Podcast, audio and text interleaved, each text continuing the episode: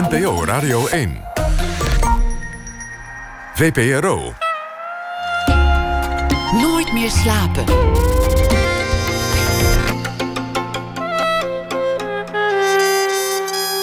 Met Pieter van der Wielen. Goedenacht en welkom bij Nooit meer slapen. Uit elkaar vallend gezin, een man verblind door grote ambities en de eeuwige vlucht in dat ene boek, De Toverberg van Thomas Mann. Emily Kokke schreef daar een eh, boek over en reisde zelf af naar die Toverberg en het kuuroord in Davos. En het boek heet De Kuur. Don Duins die schrijft een verhaal bij de voorbije dag en dat allemaal na één uur. We beginnen het komend uur met Claire McFadden. Van jazz tot funk, van opera tot barok, van hedendaags tot uh, nou ja, eigenlijk alle hoeken van de muziek, de spirituals. Claire McFadden kan het allemaal. Ze deinst nergens voor terug. Ze groeide op in New York, kwam naar Nederland in de jaren 80 om te studeren. En het werd een absurd veelzijdige en bijzondere carrière. Het Holland Festival begint, 70ste editie alweer. En zij zal daar uh, bewerkingen brengen, gemaakt door uh, de componist Crump van Standards and Spirituals uit The Great American Songbook. Claire McFadden, hartelijk welkom. Hallo, hi. Je begint meteen, je begint meteen te lachen als ik, als ik zo'n inleiding uitspreek. Ja, het klinkt echt absurd. Dat het is gebeurd. Dat dat je loopbaan is geworden. Ja, ja het is wel echt uh, heel prachtig. Ja. Maar als ik het terug hoor, denk ik, ja, het is een beetje weird. Hoe is, hoe is het zo gegaan, denk je dan? Ik heb het aan mijn moeder gevraagd, mijn ouders, van hoe was ik als kind? En ze zei, ja, zo nieuwsgierig als kind naar alles. Klanken, uh, smaken. Dus het is een beetje... Het is al duidelijk dat ik dan verder zou gaan met die nieuwsgierigheid. En... Uh, ja, alles wat ik hoor, ik wil, ik wil meer leren. En, en op muziekgebied, als ik iemand hoor en die doet iets wat ik niet kan, dan wil ik weten wat ze doen. En, en, en, ongeacht het genre, ongeacht ja, wat, het, ja. wat het hokje is waar het, waar het in past. Nou, want ik, ik geloof niet in hokjes. en in dozen. En, en ik denk, uh, ja, dit is wel oké, okay, maar het is niet interessant voor mij. Om, uh, dat, zo werk ik niet. En, en ik, ik, een soort pionier als je dit wil. Ik wil gewoon leren en kijken en verrijken... en een palet steeds groter maken en kijken wat ik kan en, en gewoon leren. Zeker altijd door die nieuwsgierigheid. Wat was de muziek die je thuis hoorde? Als kind uh, Sly and the Family Stone, Sam and Dave, The Temptations, Aretha Franklin... En omdat de, de, de wekker, de radio ging om zes uur... Uh, de AM-channel was ook REO Speedwagon, uh, The Carpenters, ook uh, Alice Cooper... De Bee Gees. Dus ik heb echt ook dan weer van alles ook toen meegemaakt. Al. Ja. Maar je, je kwam uit een, een relatief muzikale familie. Wie, wie, wie, wie, maakte er allemaal muziek en ja, wat? Ja, iedereen. Ik, um, ik hoorde van mijn vader, mijn, mijn grootvader, die heeft alle kinderen uh, leren zingen. Uh, sop, in, in harmonie, sopraan, alt, bariton. Ze noemde het lead, bariton, uh, bas. En ook om, om een, een soort solfège te leren. Maar het is anders dan wat wij kennen. En helaas weet hij het niet meer. Dus, maar hij, hij, ze zongen allemaal met een soort solfège. En piano speelden ze. Niemand kon noten lezen. En dus er werd veel gemusiceerd. Natuurlijk in de kerk zongen we, speelden we. Mijn tante die kon heel goed uh, spelen. Mijn vader kon heel goed zingen. Had een, een, een mannenkoor, een soort kwartet opgericht, een gospel. En uh, nog steeds als die zingt, dan, dan ja, de, de traan begint uit mij altijd op één oog. Maar zo mooi en zo, in, zo integer en diep. En, en wat, wat voor gospel was het? Wat, wat voor sfeer was er in die kerk? Was het, was het echt die, die, die, die gospel waar Aretha Franklin ook vandaan komt? Nee, we waren iets meer ingetogen. We waren Methodist. Dus, dus uh, meer gedijst en hymns en zo. En, uh, en af en toe, ik weet nog, er was een, een organist. En die kwam echt uit de Deepwater Gospel traditie. En de, de, de, vrouw van de, van de, domi, de pastor was helemaal... want zij had een opera stem en dat, ze kon haar, haar ding niet doen. Dus, maar het was... Het zwong de pan uit, echt. Uh, maar het was wel exotisch. Zo'n zo echt old school gospel uh, iemand. Als de muren van de kerk echt uh, trillen bijna van, van, de, van, van de energie. Ja, ja. Hoewel het vaak ook heel ingetogen kan zijn. Het, is, het gaat niet meteen los. Het, het kan... Het, het, het heeft wel tijd nodig om, om werkelijk op dat punt te komen dat iedereen kent. Ja, ja, ja nee. Het heeft te maken ook met, met. Want ik ben naar de kerk soms, soms met mijn vader naar Sunday afternoon. Ja, bijeenkomsten, concerten en er waren diverse groepen. En iedereen was al opgewarmd. Dus, en, en je was meteen boom, iemand die, die, die begon te zingen. En, en het was meteen uh, feest. Meteen los. Je meteen los, ja. En het bedoel, ook de, de, de langzame dingen waren ook. Ah, maar op een bepaald moment gaat iedereen ja, ik weet niet, je komt in een soort extase. Ik, ik, ik, ja, ik kan niet anders bedenken. Hetzelfde extase die, die ik meegemaakt heb als ik luisterde naar de opnames van Paul van Nevel, weet je, met, met, met 18, 16-stemmige uh, polyfonisch muziek. Dan kom je in een soort extase. En, ach, ja, is echt. Ik heb zoveel bekeuring op de, uh, de snelweg. Uh, omdat ik, ik heb de muziek erop gezet van Paul van Nevel. En bij opnames en meteen, voordat ik weet, de reek 140, 160. Want ik was... Uh... Was in een, ander, in een andere sfeer gekomen? Voilà, ja, de gospelsfeer. Hoe, hoe kwam die oude muziek eigenlijk op je pad? Want, want, want je luistert thuis naar Sly in the Family Stone. Yes. En, en uh, er wordt gospel gezongen in de kerk. En oké, op, de, op de autoradio dan REO Speedwagon. ja, ja. Maar ineens is daar die oude muziek en dat verandert echt je leven. Dat, dat, dat, dat wordt iets professioneel, het begin van een van een loopbaan. Waar kwam dat vandaan? Ja, het, heeft, het kwam van mijn, um, ja, mijn zang, mijn, mijn muziekdocent. We hadden op de middelbare school, lagere school muziek. Uh, en zij had zo'n opera-stem en dat vond ik zo creepy, een beetje eng als, als kind van acht. Maar zij hoorde dat ik kon zingen en ze heeft me gevraagd om uh, in een kinderkoor te zingen die verbonden was aan het conservatorium, de Eastman School of Music. En daar kwam ik in contact, uh, aanraking met Bach. En de eerste keer dat ik Bach hoorde, was ik meteen. dat. Ik was helemaal. Ja, je kan het niet zien, maar je kan wel voorstellen mensen die luisteren van. De, de ogen gaan omhoog van Claire McFadden. Ze is helemaal, helemaal weg. En. Um, dat was het begin. En, en daardoor heb ik hoboles gedaan, genomen en zo. Maar um, ik heb uh, soort begon met, met hoboles daar op conservatorium. Um, en toen heb ik, kwam ik uh, een groep tegen die uh, 16 en 17e eeuwse polyfonische muziek deed. En, en daar is het begonnen voor mij helemaal. Echt die oude muziek, dat was het begin van, van, van jouw ja, loopbaan. Toen ik 16 was, ja. Wat, wat vonden je ouders ervan toen, toen je zei: Nou, dit, dit gaat mijn beroep worden, ik ga hier professioneel mee verder. En het is vooral die oude muziek. Begrepen ze dat meteen? Niet meteen. Uh, ik kom uit een, wij zeggen, een normal blue-collar working class familie. Dus een, een maandsalaris, uh, dat is wel belangrijk. En zij dacht, ja, als je muziek, iets met muziek gaat doen, dan word je music teacher. En dan ga je lesgeven. Maar toen ik zei, het, woord, het belangrijkste woord was freelancer. En toen werd het heel erg stil.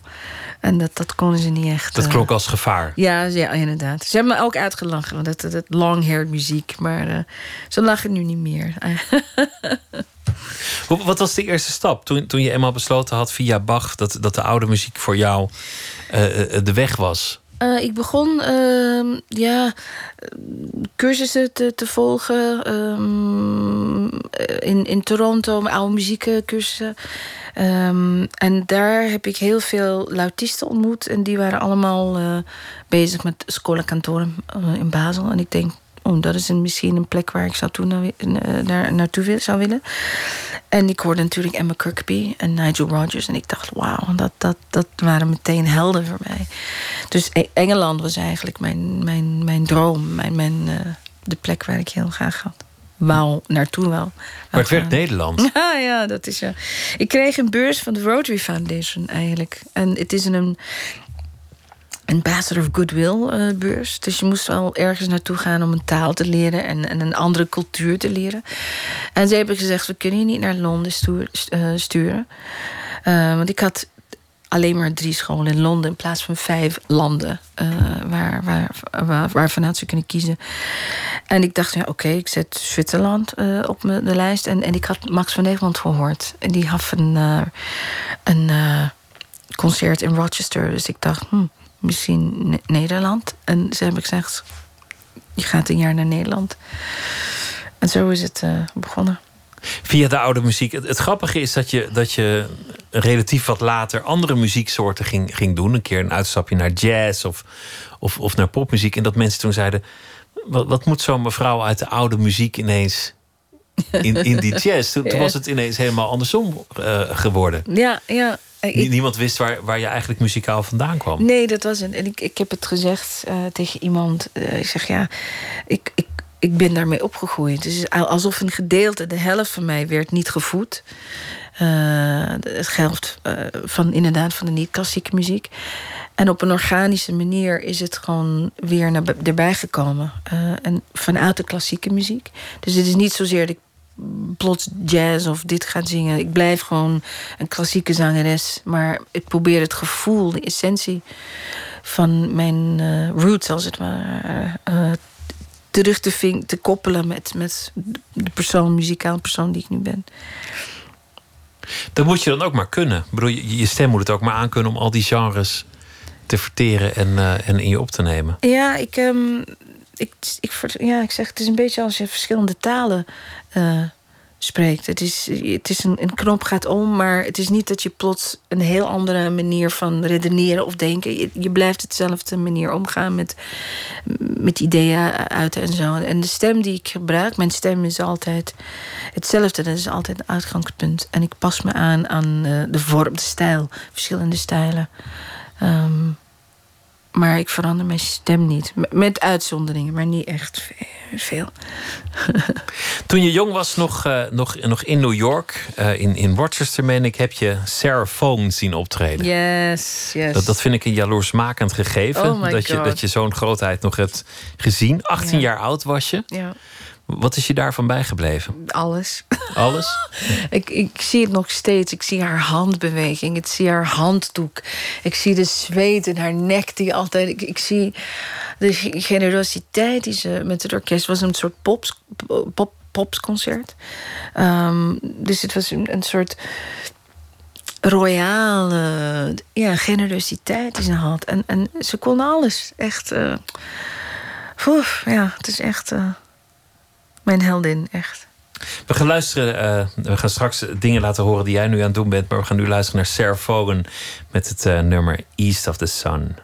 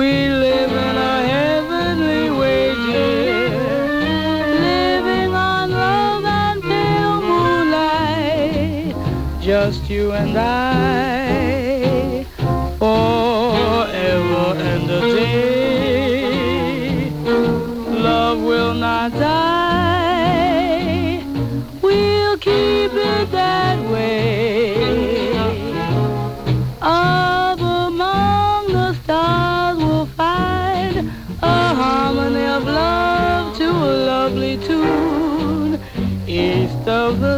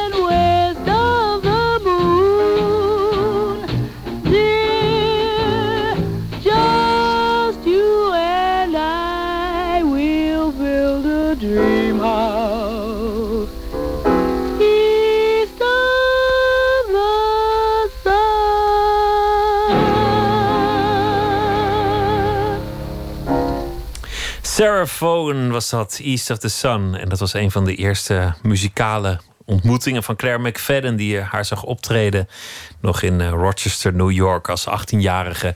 Je kwam naar Nederland om oude muziek te studeren met een, uh, met een beurs. En dan kom je hier aan. Wat, wat was eigenlijk je eerste indruk van Nederland? Hoe vond je het om hier aan te komen? Weird, ja. Ik, ik voelde alsof ik thuis gekomen was. Ik, uh, was, ik woonde bij mijn ouders. Uh, ik studeerde in Rochester. Dus op 21-jarige leeftijd ging ik weg met twee grote koffers. En ik kwam aan op Schiphol en ik denk, ja, dit is het. Dit is. Ja, ik was op zoek al uh, eigenlijk mijn hele leven voor een bepaalde energie, een bepaalde ruimte, sfeer, een, een samenleving waar ik me goed voelde en de ruimte had om mezelf te zijn. Um, en, en dat vond ik al onmiddellijk. Dus het was binnen een maand was het duidelijk. Ik wil hier blijven. Binnen al de tranen en alles. Want ik was ontzettend eenzaam. En uh, ja, het is eigenlijk nooit weg, nooit veranderd na wat, 35 jaar. Maar in, in welke zin jezelf zijn? Wat, wat vond je hier? Ja, het is. Um, ik vond alles hier. Eigenlijk, dat is misschien het, waar ik, ik kom uit een. Ja, vrijwel conservatief uh, stad. Het is een beetje open, meer open uh, dan andere steden. Maar alsnog, uh, het is heel strikt in wat je mag doen. En ik kwam uit een soort milieu die heel. het soort traditioneel milieu. En ik kwam hier en ik zag mensen met groen haar en. en vegan mensen of het was iets anders. Maar gewoon alles. En, en borsten op het strand. En, gewoon alles. En, en, en, en, en, en vrijdenkend, ruimdenkend. Uh, verschillende talen, culturen, alles bij elkaar. En ik dacht aan mijn, wat ik op school geleerd. Een heleboel um, persecuted uh, mensen. Die kwamen naar Nederland of naar Amsterdam. En dan vervolgens gingen ze naar de nieuwe wereld of uh, ze bleven hier. En, dus, en dat is wat ik, wat ik voelde. Dat dit is, er is ruimte om, ja, om jezelf te zijn. Alles kan hier wel. Het is hier, het is hier wel mogelijk. Het is hier vrij. Dat, dat was jouw ervaring. Dat was mijn, mijn indruk toen ik hier kwam, ja. Herken je dat nog steeds eigenlijk? Ja, het is, er is een soort identiteitscrisis voor mijn gevoel.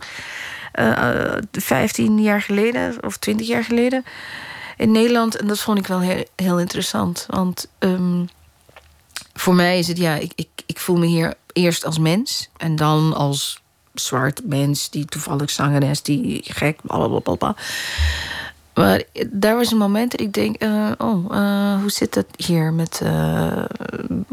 Blijf ik nog eerst als mens? Of gaat het hier ook keren? En, en dat ik me meer eerst door mijn kleur uh, dat dat bepaalt wie, ik, wie mensen mij aankijken. Maar, uh, en ik denk, als, zodra dat uh, komt, dan ben ik weg. Dan, ga ik, dan heb ik dat liever in Amerika dan, dan hier. Maar dat is gelukkig niet, niet het geval. Je ging hier aanvankelijk studeren in, in de oude muziek. En, en dat ging heel erg goed. Maar toen al vrij snel begon het, begon het, het wisselen tussen genres. Want je bent opera gaan doen. Je bent uh, hedendaags klassiek heel erg gaan doen. En dat is hier in Nederland eigenlijk, eigenlijk wel een beetje de pijler geworden van je loopbaan, volgens mij. Ja, ja. Dat, dat, je voor hedendaagse componisten wordt gevraagd en, en dat je echt het, het, het repertoire van nu bent gaan zingen. Ja, ja het is eigenlijk al uh, tijdens mijn studiejaar uh, begonnen. En ik was in de moderne muziekklas. Uh, en Hardy, Sparnij was uh, de docent. En er werd stukken uitgedeeld. En uh, er was een stuk van Karel Goeievaart. dat zou in de ijspreker gaan. Ik wist helemaal niks wat dat was. En het was voor de radio, dus ik zou ook 750 guldens krijgen. Maar poef, wauw, dat was echt waanzinnig. En het schijnt dat iedereen in de zaal... Rijnbert was daar, denk ik. Rijnbert en Leo Louis Andriessen.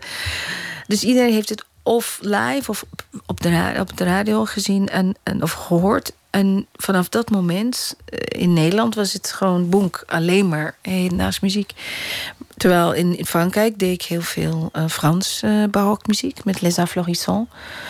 tien jaar lang voor na, en in Engeland uh, met Robert King was eigenlijk een Handel-specialist. En in Duitsland met La Stagione Frankfurt heb ik dingen van Bende. En dus je hebt eigenlijk in, in, in ieder land word je, word je toch gezien als, als een andere specialist. Ja, ja, maar ik zou zeggen hedendaags muziek in Nederland en oude muziek. En in de rest van, van Europa. Zo was het. Uh, en dat ging heel lang. Uh, tot ik bij de Nederlandse opera. Uh, ze hebben L'Incoronazione di Popeye gedaan. En toen kreeg ik de rol als Valetto. Maar mensen waren zo gechoqueerd hier. Oh my god, barokmuziek. Wauw. Voor het eerst. Ik denk, nee, het is al 15 jaar dat ik barokmuziek doe. Dat is eigenlijk wat je bent, bent komen doen. En dan ook nog het merkwaardige dat je dan in Frankrijk. als Amerikaanse in een. In een gezelschap de Franse barokmuziek aan het, aan het afstoffen bent. Weliswaar onder leiding van een Amerikaanse dirigent. Ja. William Christie, die, al, die volgens mij al heel lang in Parijs woont, maar dat, daar wil ik vanaf zijn. Ja. Maar dat is natuurlijk ook een rare cultuurschok dat je, dat je die mensen hun eigen cultuur kon brengen op, op al die festivals. Ja, dat vond ik heel merkwaardig van Bill. Hij, wij komen ook uit min of meer hetzelfde streek in, in Amerika, in New York. Dat was ook zo grappig. Dat, uh, en hij werd zo de liefde voor, voor, de, eh, voor de muziek, uh, Franse muziek uit de 17e en 18e eeuw. Voor Charpentier. Waanzinnig. En, en dit is prachtig muziek. Het is echt. En de Rameau, het is gewoon zo dramatisch en rijk aan kleuren en, en harmonieën. En, eh, het is fantastisch. Het, is, het was echt heel erg modern in die tijd. Dus ik, het is echt waanzinnig. Ik, ik vond het een eer om, om de muziek te mogen. Te, uh, te, mogen leren, studeren en zingen. En inderdaad delen met mensen. We hebben tien jaar lang overal geweest. Noord-Amerika, Zuid-Amerika, Europa. Eh, waanzinnig, ja. Maar ook vooral in, in Frankrijk zelf, dat je, dat je daar dan staat met, met componisten uit dat land. En twee Amerikanen die dan, die dan ineens furoren maken met die muziek voor, voor dat publiek daar. Ja, ik denk in Frankrijk, ja. Ten eerste zijn ze heel erg blij dat iemand het muziek. Uh, uh, ja, zeg maar, uit de graf omhoog wil brengen. En dat is belangrijker dan, dan waar die persoon vandaan komt. De liefde is, was belangrijk. En dan is het, er is een soort interessante liefdesrelatie met de uh, Franse en, en, en Amerikaanse zangeressen, ook zwarte zangeressen. Uh, dus dat, dat, uh, dat vonden ze gewoon heel, heel charmant en heel mooi, heel uh, puur. En ik werd alleen maar met open armen. En, en Bill ook. Ze vonden het zelfs um, trots dat er een Amerikaan. eigenlijk geadopteerd is hij geadopteerd door de Franse as one of them. En dat vind ik ook heel... heel Deel uitgemaakt van, van, uh, van, van de cultuur al ja, daar. Ja. Veel in jouw leven gaat eigenlijk over, over het maling hebben aan hokjes... over muren heen springen, over hekken heen klauteren... prikkeldaad uh, doorknippen waar het aanwezig is. Mm. Mensen verbinden. Heen en weer lopen tussen, tussen, tussen alle groepen die er zouden kunnen zijn. Ja, klopt. Ja ik weet niet of, ook dan weer dat, dat. Ja, ik ben spiritueel gelovig, hoe je het wil zeggen. Ik weet niet wat ik ben. Ik ben gewoon. Maar ik probeer. Uh, nou, niet probeer, maar ik, ik, misschien voor mezelf dat ik denk, ja, over 100 jaar ben ik er niet meer. Wij, de meeste van ons zijn er niet meer over 100 jaar. En wie weet wat en hoe, hè? Dat, dat, is minder interessant voor mij dan op dit moment. Eh, ik, ik zit tegenover jou en, en wij delen een bepaalde ruimte, uh, gedachten, gevoelens. En dat, dat, dat, waardeer ik, dat vind ik wel belangrijk. En dat neem ik mee en dat, dat verrijkt mij op een goede of een slechte manier. Dat, uh, en, en dat is met iedereen, uh, die alle contacten. Dus ik denk, we zijn toch verbonden aan de contacten die we hebben met andere mensen. En, en ik sta altijd open om te leren en delen met mensen. Dus dat is een beetje mijn. Missie is een beetje heel een sterk woord, vind ik een beetje weird. Maar wat mij bezielt, wat, wat mij uh, interesseert. Wat jou drijft en, en, en interesseert. Het is, het is ook iets waar muziek heel goed in is.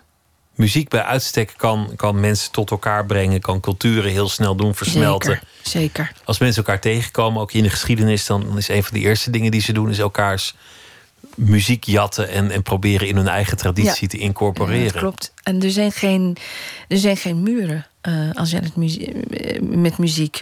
Men, muzie- mensen, muzikanten die bezig zijn met elkaar muziek aan het maken. Ze zijn niet bezig met jij bent dit en ik ben dit. En, eh, nee, het is alleen de muziek. Die, die- er is een soort directe link naar de kosmos, wat dat ook mag zijn. Als ik Bach hoor, of Bach gezongen of gespeeld door, door mensen van allerlei culturen. Het is Bach die, die, die ons verbindt op dat moment. En, en dat is zo krachtig. Je kwam aan in Nederland. Je zei ik was wel ontzettend eenzaam. Ik voelde me meteen heel erg thuis hier. Wa- Wat heb je toen gedaan om, om, om de taal te leren en, en om contacten te maken? Oh my god, ja.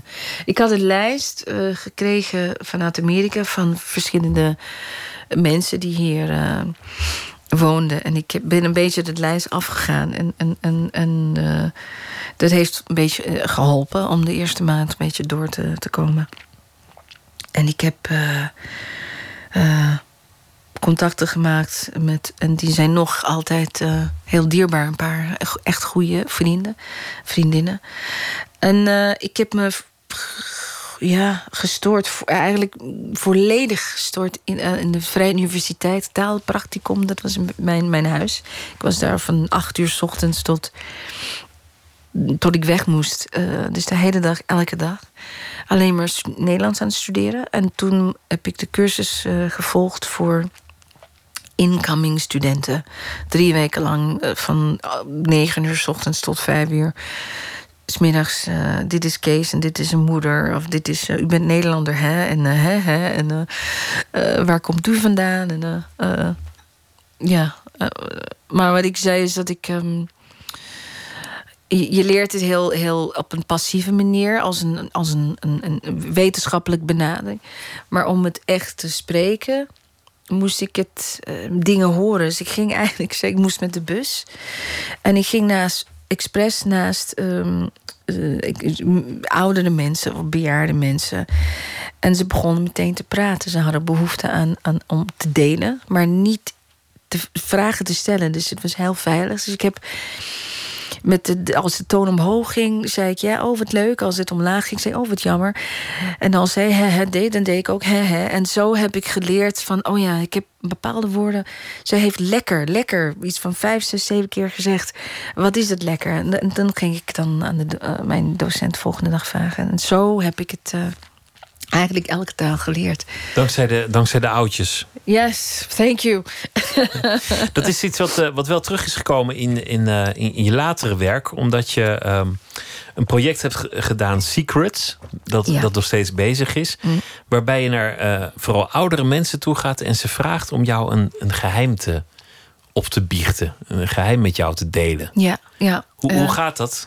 Ah, het was. ehm, ik ben sinds een- paar jaar huisartiest bij ehm, Transparant, een productiehuis in Antwerpen. En zij hebben gezegd: ja, kom met je gekke ideeën. En ik was. zou een, een, een, project doen met een trio van Tuur Florizone, eh, Michel Masso en Horin, Marien Horbeshevsky. We waren op zoek naar eh, een thema. En ik had net een boek gezien van Frank Warren, eh, Post Secrets. En hij heeft mensen gevraagd om een secret geheim op een postkaart te zetten.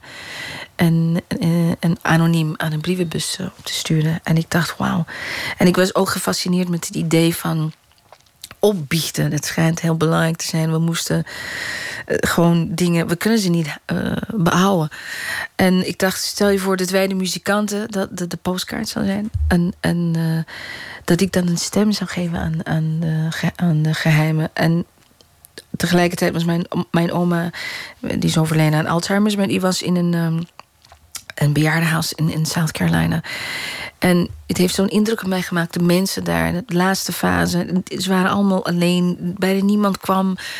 Terwijl ze een bron van wijsheid en informatie en delen. En, en ik denk, ik wil gewoon de mensen gewoon een kans te geven om mij iets te leren. En dus ik, ik ben naar seniorencentra in Brussel. En die mensen gingen door naar bejaardenhuizen. En we hebben een geheime doos achtergelaten. We hebben meer dan 130 eh, kleine one-liners. Tot grote verhalen op roze wat voor- papieren. Wat voor geheimen zijn dat dan? Hoe, hoe mysterieus kan het zijn? Nou, het meest mysterieus was eh, Interpol is op zoek naar mij en eh, ik moet vluchten. Ehm, tot iemand die had een, een diaper fetish. Ehm, i- iemand die heel verschrikkelijk dat die, die, die de moeder die heeft zelfmoord gepleegd en de dochter was daar bij haar en, en, en de relatie was niet zo goed en die moeder zegt ja misschien ga ik springen en die dochter die zei doe het en ze deed het en die is helemaal eh, opgevreten door, door het feit dat dat gebeurd is. Door schuld. Ja, ja, dat is iets. Ja, schuld eigenlijk. Yes, ja, precies. Ehm, er was één iemand die had een, een, een, een. Was 82 en ze verstopte. Ze werkte in de cinema in Brussel. En een heleboel zakenmannen kwamen daar om de meisjes te zien. En ze had iets met één man en el- elke donderdag. En hij trakteerde haar een, een, een glas champagne. En dat ging door tot ze. eh, zonder hem natuurlijk. Tot ze 97 was. Dat ze elke donderdag heel stiekem naar een ta- taverne ging. En toen ze thuis moest blijven, voor haar heup, haar, ho- haar, heup was gebroken. En ze vroeg aan haar zoon om een flesje te kopen. En hij weigerde om het te doen, omdat ze te oud was, vond hij. Dus de verpleegster die heeft dan een flesje binnengesmokkeld. En dat werd in de poef verstopt. En, en dus zij is nu 83, hoop ik. Of misschien is ze, als ze nog leeft, hoop ik. Dus, en dat, dat is een mooi verhaal. Dus we, we eren haar, Diane heet ze. En dat soort eh, verhalen hebben wij eh, gekregen. Allemaal geheimen die anders mee het eh, graf in zouden gaan. Uit dat project gaan we een stuk laten horen. ehm, en dat heet Ik ben een meisje.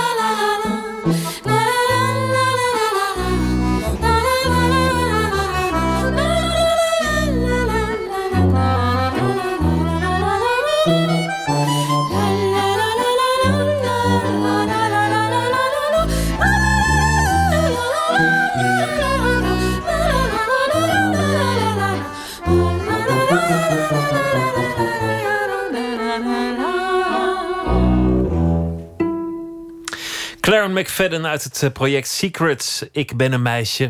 En ik heb gekust met een meisje. Een van de opgebiechte geheimen. Wat je ook veel hebt gedaan is, is eh, opera. Ja. Grote rollen. En, en ja, daar hou ik altijd het meeste van. Want dat is, dat is gewoon lekker echt dramatisch. Ik bedoel, ik ben een meisje. Ik heb gekust met een meisje. dat is tot zover. Maar dan moeten we nog achteraan. Ik ben een meisje. En nu ga ik mezelf op het zwaard storten. Ja, voilà. Ja, dat. Voilà. Hoe doe je dat eigenlijk? Hoe, hoe bereid je je voor op, op, het, op het spelen van grote dramatische rollen? Eh, om, om, om die emotie helemaal jezelf eigen te maken, maar dan toch nog dat, dat goed professioneel over te kunnen brengen zonder dat het je in de weg zit. Ja, eh, ik moet niet lachen, maar ik begin met eh, een beetje de- partituur ehm, strelen. Kijk, dus Gewoon ook mijn, mijn het- het geheim. papier Ja, aanraken. het papier. Ik leg het op mijn bureau en, en, en ik, ik streel het en ik leg mijn handen erop. Dan doe ik het open. Doe ik eh gele onderding en, en dan begin ik. En vaak vind ik het, als het iets is wat al geschreven is, dan luister ik graag naar eh, een opname. Ik leer meer auditief. Ehm, bijvoorbeeld, ik heb eh, in Dialoog de Carmeliet, waanzinnig mooie voorstelling van Robert Carson eh, aan de opera. En eh, dan speel je, het is een verhaal over eh, eh, een, een orde nonnen die onthoofd zijn eh, door de Franse Revolutie. En ik speelde iemand die echt bestond. En dat is ook al rane- reden tot tranen. Maar ik denk, eh, Poulenc was zo geniaal. Hij heeft echt de chops van de guillotine in de muziek gezet. Ehm, en de stemmen werden steeds eens van 15, 14, 13, 12... eh, tot er één stem over was. Eh, ehm, Allemaal onthoofd. ja, allemaal onthoofd. En dan, ik denk, ik, ik luister naar de muziek, daar begon ik mee. En ik, ik huilde van. En, eh, eh, ik bleef maar huilen. En ik heb het opnieuw, opnieuw, opnieuw, vier, vijf, zes keer. Gewoon het slotscène. Tot er geen tranen meer waren. En toen wa- was ik uitgehaald, als het ware. En toen had ik genoeg afstand om, eh, om het eh, goed te doen, zodat een ander het publiek dat zou eh, voelen. Want Je moet zelf dat helemaal doormaken. Je moet helemaal klaar zijn met die emotie voordat je het op het podium kan doen, zodat, het- zodat dan die emotie helemaal voor het publiek is, ja, maar niet meer jou in de weg zit. ja, ja. Maar je moet het wel voelen, je moet het wel aangaan. Je kunt het niet als een partituur behandelen. Nee, of je moet die verbeeldings... eh, ja, hoe zeg je dat? Eh, im- imagination. Want ik, ik weet niet hoe het is om een, eh, een kind te, te verliezen.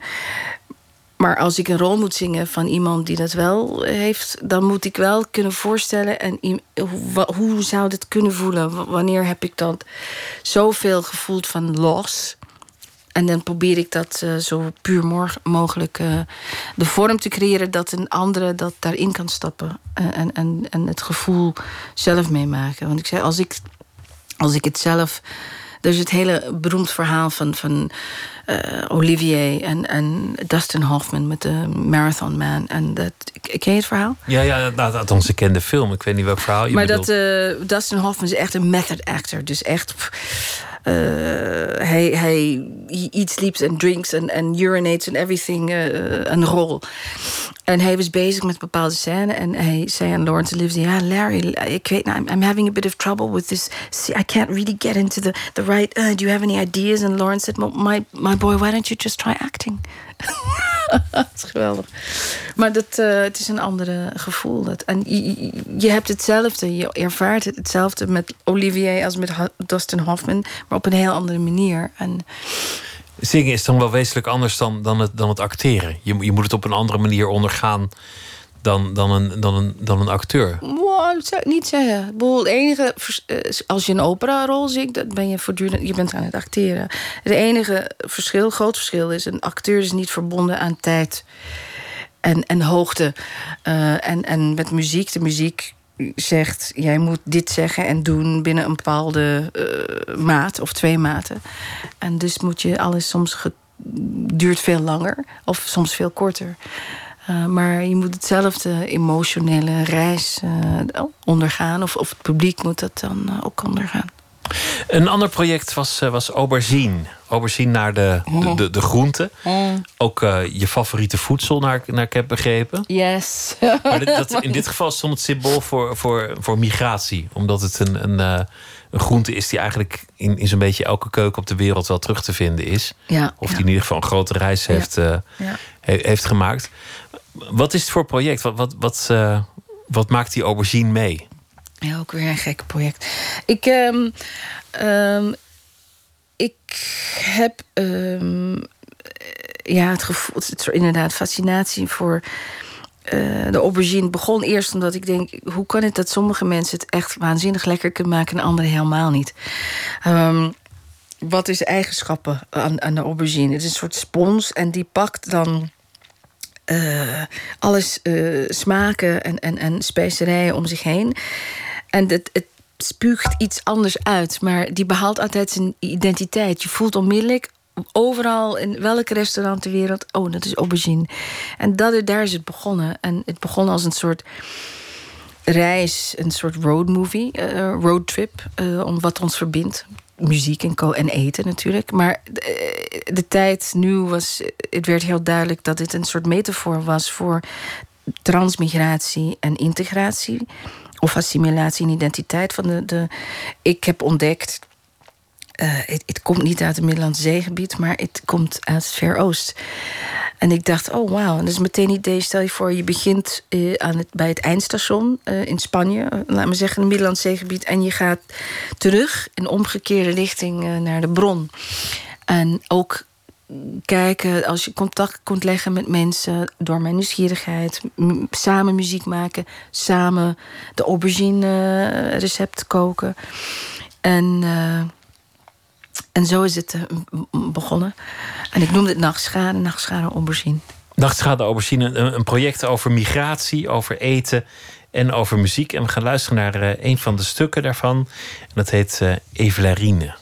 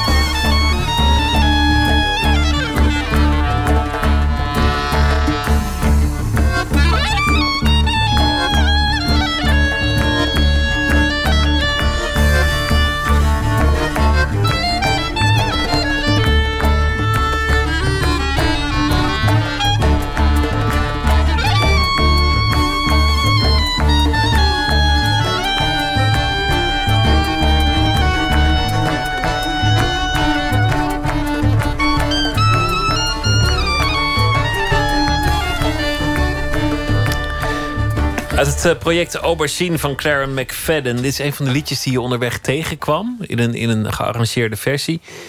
Jullie gingen gewoon op zoek naar, naar verhalen over de aubergine, uh, recepten, samen koken. En dan iets proberen uit te vinden over migratie en wat dat is. Ja, ja dat was het uitgangspunt. Um, en het werd heel gauw een, een, voor mij ook een zoektocht, een ontdekkingsreis. Want ik werd onmiddellijk geconfronteerd met mijn eigen vooroordelen. En uh, we kwamen in bepaalde plekken en uh, bijvoorbeeld waren in Marokko. En de eerste die denkt, oh, moet ik, uh, hoe moet ik me gaan gedragen? En, en we kwamen bij mensen in huis, muziek, een muzikus die ik ken en zijn vrouw. En ze had een, een hoofddoek en dan denk je onmiddellijk, oh, dat is een uh, dit en dat en oh, dat. En de dokter is uh, gewoon met lang haar, t-shirt, jeans. Dus je voelt wel, oh ja, dit is gewoon een normale doorsnee gezin met mam en pap en kinderen en eten. En... Maar ik zeg, ja, ja, je kwam toch aan de deur en je denkt, oeh. Dus ik dacht, ja, oké. Het is altijd, je moet altijd op je hoede staan om, om, om open te zijn voor mensen. Voordat je het weet, denk je, ja, ik ben heel open, maar eigenlijk ben je toch niet zo open. Dus het was. Uh... En ik kwam ook mensen tegen. Ik zeg ook. Uh, een, een, een Rome-jongen op straat. die daar blijk echt de meester was in, in, in, in, in, in, op zijn uh, drum. Ik weet niet meer hoe die heet. En ik was zo nieuwsgierig naar zijn handen. En ik denk, zo'n jongen die telt niet eens mee in de maatschappij in Istanbul. Dus ik zeg, eh, mag ik je handen voelen? Maar, en hij vond het zo grappig. En die waren zo onschuldig nog, maar helemaal opgezwollen door dit uh, trauma. En uiteindelijk, ik heb mijn best gedaan. En, en uiteindelijk ging hij lachen. En, maar ik kwam ook uh, een vluchteling tegen. Een Persische vluchteling die een genetic engineer was. Maar die, die moest in, in, een hotel werken en die was gay. en die werd ter dood veroordeeld. En zo'n iemand met zo'n glimlach en zo'n hoop. En hij wil gewoon doorgaan met zijn studie en trouwen. En ik denk, oh, daar gaat het om. Dat gedwongen ballingschap. En hij zegt Niemand wil zijn land verlaten. En wij zijn allemaal migranten. Er is niemand die zegt: Ja, ik ben. Uh, oer-Hollander, of ik ben, weet ik veel, uh, geboren getogen dit, of ik ben uh, Siciliano puro sangue. Wat is dat? Ook al ga, je van Haarlem naar Amsterdam, dat is ook een migratie. En ik denk, voor mij is het belangrijk dat ik zelf, begin bij mezelf, dat ik erbij stilsta. Dat ik ben ook mijn land verlaten. Niet omdat ik denk, oh wat leuk. En, maar ik voelde me ook daar niet helemaal thuis. Dus het was moeilijk. Uh, ik had een soort identiteitscrisis en ik ben nog steeds op zoek van wat ik ben. Maar dat, is, uh, dat, dat, dat dwingt mij om toch altijd open te blijven. En, en, en kijk naar mijn medemens um, op een andere manier. Met, met uh, ja, mijn openheid. De, en daar gaat de, dit project om. Maar ook over de muzikale ontmoeting die je overal uh, ook dat, ja. doet. Ik bedoel, aan de hand van de aubergine, de reis die de aubergine over de wereld heeft afgelegd. Hoe die in onze keuken terecht is gekomen en, en in al die andere keukens. Ja. Aan de hand daarvan zoek jij muziek en probeer je ook daarin een soort ontmoeting ja. te bewerkstelligen. Ja, ja. en ik, uh, ik heb overal waar ik ging, ik was uh, in vijf landen. En dus vijf gasten. Sommigen waren muzikanten, sommigen niet. Heb ik gevraagd om een liedje aan mij te leren. Er was een, een, een schooljuf in, in, uh, op Kreta. En ik wou de dag doorbrengen met haar studenten. Die waren allemaal twaalf. En ik vond lief dat zij heeft een lied gekozen over de dood. En dat die kinderen van twaalf jaar volop leven.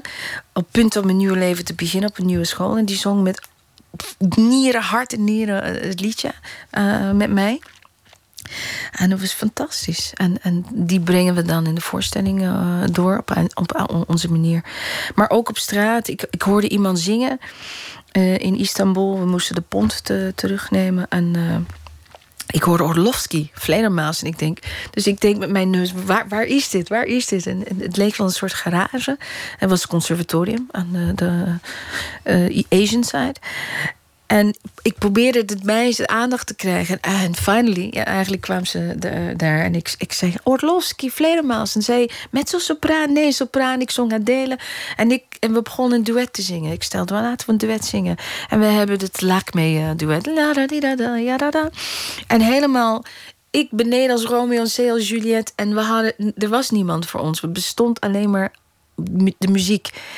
En dat was zo mooi. En er waren zoveel mensen om ons heen plots. En die waren allemaal aan het Facebooken. En dit. Maar het was prachtig. Dat, dat, dat, ja, de kracht van muziek om mensen te verbinden... Is, is, dat heb ik keer op keer op keer meegemaakt. En nu op het, op het Holland Festival uh, ga je um, met uh, George Crump samenwerken. Die heeft uh, bewerkingen gemaakt van spirituals. Van, van echt oude Amerikaanse stukken. Uh, American Songbook. Mm -hmm. Dan moet je denken aan, aan stukken als um, Joshua Bit the Battle of Jericho. Ja. Echt zo'n zo'n zo'n gospelliedje. Maar dat heeft hij dan wel bewerkt zodat dat het min of meer in het, in het klassieke repertoire gaat, gaat passen. Nou, ik heb begrepen, maar ik heb er nog niks van kunnen horen. Ja, dus één opname van. eh, ik ben haar naam even vergeten. Ehm, en het is, heeft het, het is met slagwerk, en amplified piano en zang. Dus dan heb je al. Eh, de klankwereld wordt heel anders dan als het bijvoorbeeld met een niet geamplified piano of met een strijkorkest. Ehm, en wat ik heel mooi vind is dat eh, de spirituals zijn eh, eh, de spirituals geworden. Die spirituals zijn niet bewerkt. Maar de, de, de jas omheen, het, eh, het, het nestje daaromheen is, is heel mooi. Soms is het een vijf, acht of drie of vier. Maar het is meer een, een wereld, een, een soort klankwereld... waarin die spirituals eh, tot leven komen. Ik vind het me- geniaal, echt. Maar het liedje blijft gewoon hetzelfde. Ja, ja, ja. En dat vind ik heel, ja, dus prachtig. Steal Away. Ik hoef niet eens te studeren en te tellen. Ik, ik, ik- wat ik weet, zie ik. het- hij heeft het op neergeschreven zoals het hoort, laat maar zeggen. Maar dan zit, je, dan zit je relatief dicht bij de muziek uit je jeugd. Ja, inderdaad. Toch ja. weer. Ja, ja. We zijn full circle. En de enige wat zo grappig is, ik, ehm, dat iedereen heeft zijn eigen manier om, om, om Steal Away te zingen. En de vraag is, eh, ga ik meer in de richting van wat, hoe mijn grootmoeder het eh, heeft gezongen? Of ga ik me echt strikt vasthouden aan de noten? En ik weet uit al de jaren van hedendaagse muziek... wat op papier staat, is bijna nooit wat een componist echt kan zeggen. Eh, en dus dan denk ik, ga ik dan de artistic vrijheid nemen om mijn grootmoeder een beetje toe te voegen in mijn eh, interpretatie. Kun je je jeugd gewoon toelaten in deze, in, in, in deze partituur? Dat, die muziek gaat ook uiteindelijk over, over ontmoetingen. Want, want dit is de, de, de muziek van- van, van de kerk, maar er zaten allerlei andere culturele invloeden in verscholen. Vaak, vaak ook een beetje, een beetje stiekem. In de spirituals bedoel je? Ja, in de, in de spirituals. Ja, het is inderdaad, het komt direct uit de, de slavernij in, in, in, in, in, in Amerika. En dat omdat de slaven die de hele cultuur eh, hebben ze niet waar ze vandaan kwamen. De namen werd veranderd. Ze mogen niet in grote groepen. Ze mogen niet leren schrijven en, en, en lezen. Dus ze hebben een andere manier gevonden om met elkaar te communiceren. Of deels via trommelen. uh, Uit een soort herinnering uit Afrika. Maar eh, de spirituals werd een soort code. Coded messages.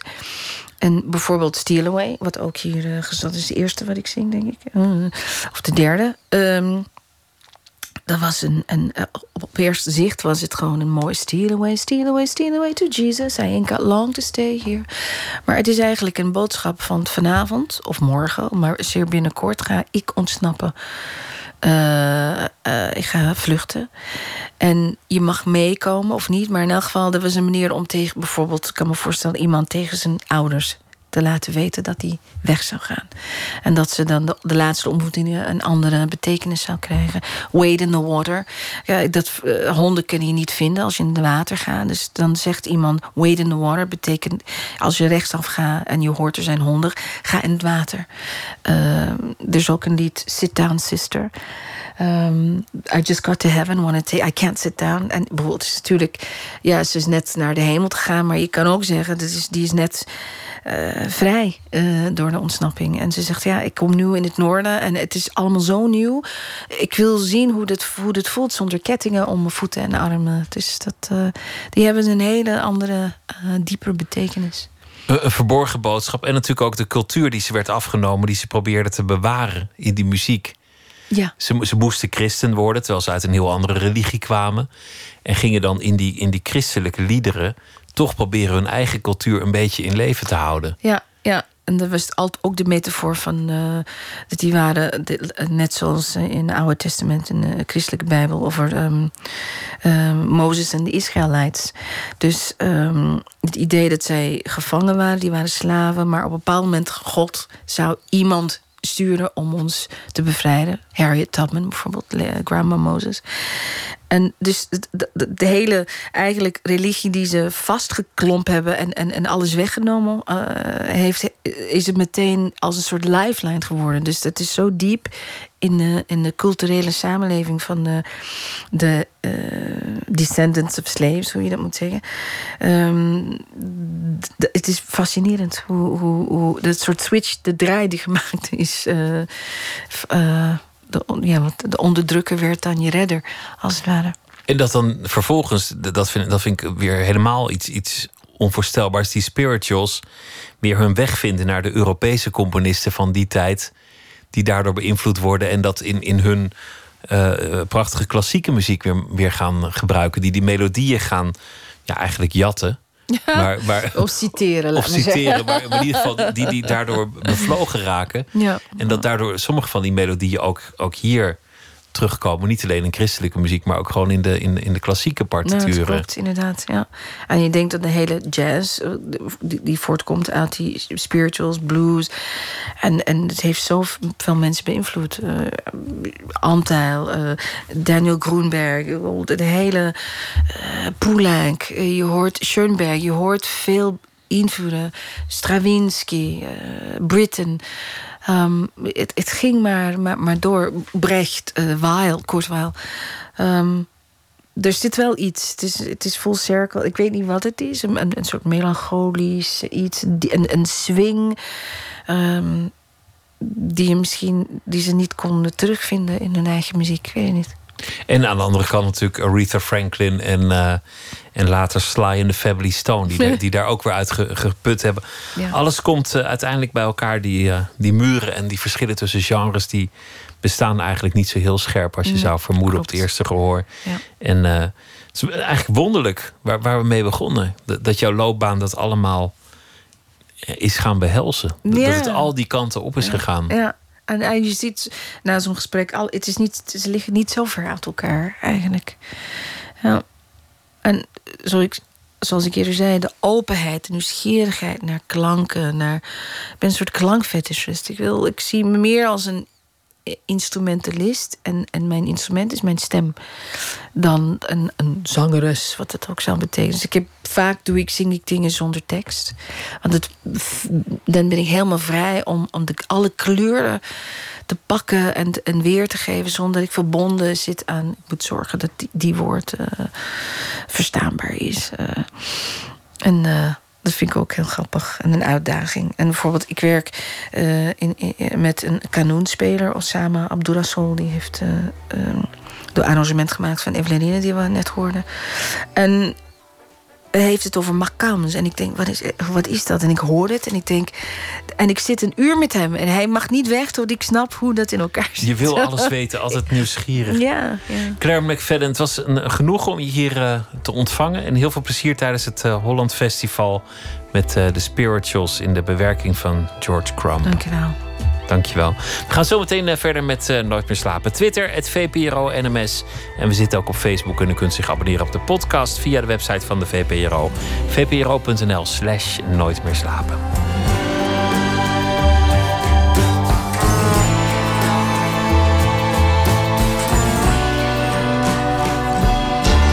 Op Radio 1. Het nieuws van alle kanten. Het is 1 uur, Waterwalgemoed met het RWS Journaal. Jonge basisschoolleraren gaan staken voor meer loon en een lagere werkdruk. De belangengroep PO in actie kondigde in tv-programma Jinek aan... dat de schooldeuren op 27 juni het eerste uur dicht blijven... om actie te voeren in Den Haag. Ouders kunnen die actie steunen door de komende weken een petitie te tekenen. De petitie wil de belangengroep op 27 juni aanbieden aan premier Rutte... omdat ze het vertrouwen in staatssecretaris Dekker hebben opgezegd. De komende acht jaar dreigt er een tekort van 10.000 leraren in het basisonderwijs. Door een fout zijn er bij de Tweede Kamerverkiezingen in maart 7600 stemmen niet meegeteld. Van de uitslag in Boksmeer zijn alleen de stemmen op VVD, PvdA, PVV en SP ingevoerd in het systeem. De fout is niet meer te herstellen, maar volgens de kiesraad hadden de niet meegetelde stemmen niets veranderd aan de einduitslag. De 16-jarige jongen uit Den Bosch, die wordt verdacht van betrokkenheid bij de dood van de 14-jarige Savannah, ging volgens het Brabants Dagblad al sinds augustus niet meer naar school. De leerplichtambtenaar deed onderzoek naar de spijbelende jongen... maar hij was volgens de krant niet bekend bij de politie of jeugdzorg. Nederlandse jongeren gebruiken vergeleken met de rest van Europa veel drugs. In 2015 gebruikte bijna 7% van de Nederlandse jongeren wel eens ecstasy. Dat is bijna vier keer zoveel als het Europese gemiddelde. Volgens de onderzoekers wordt er in Nederland relatief veel gebruikt... omdat er veel dansfeesten zijn waar drugs populair zijn. Maar het gebruik verschuift ook naar de rest van het uitgaansleven, zoals het café. Wat betreft het aantal drugsdoden staat Nederland met 16 per miljoen inwoners... in de Europese middenmoot. Het weer nog. Vannacht is het wisselend bewolkt... en vallen er vooral in het noordwesten nog een paar buien.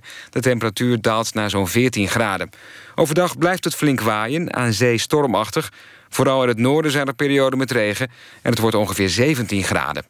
Dit was het NWS Journaal. NPO Radio 1. VPRO. Nooit meer slapen.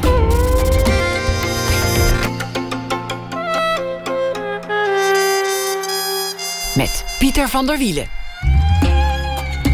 Het menselijk lichaam in alle rare hoeken en draaiingen staat centraal in een fotoreeks van Jules Kraaier. Te zien uh, op een tentoonstelling in Amsterdam in het Huis Marseille.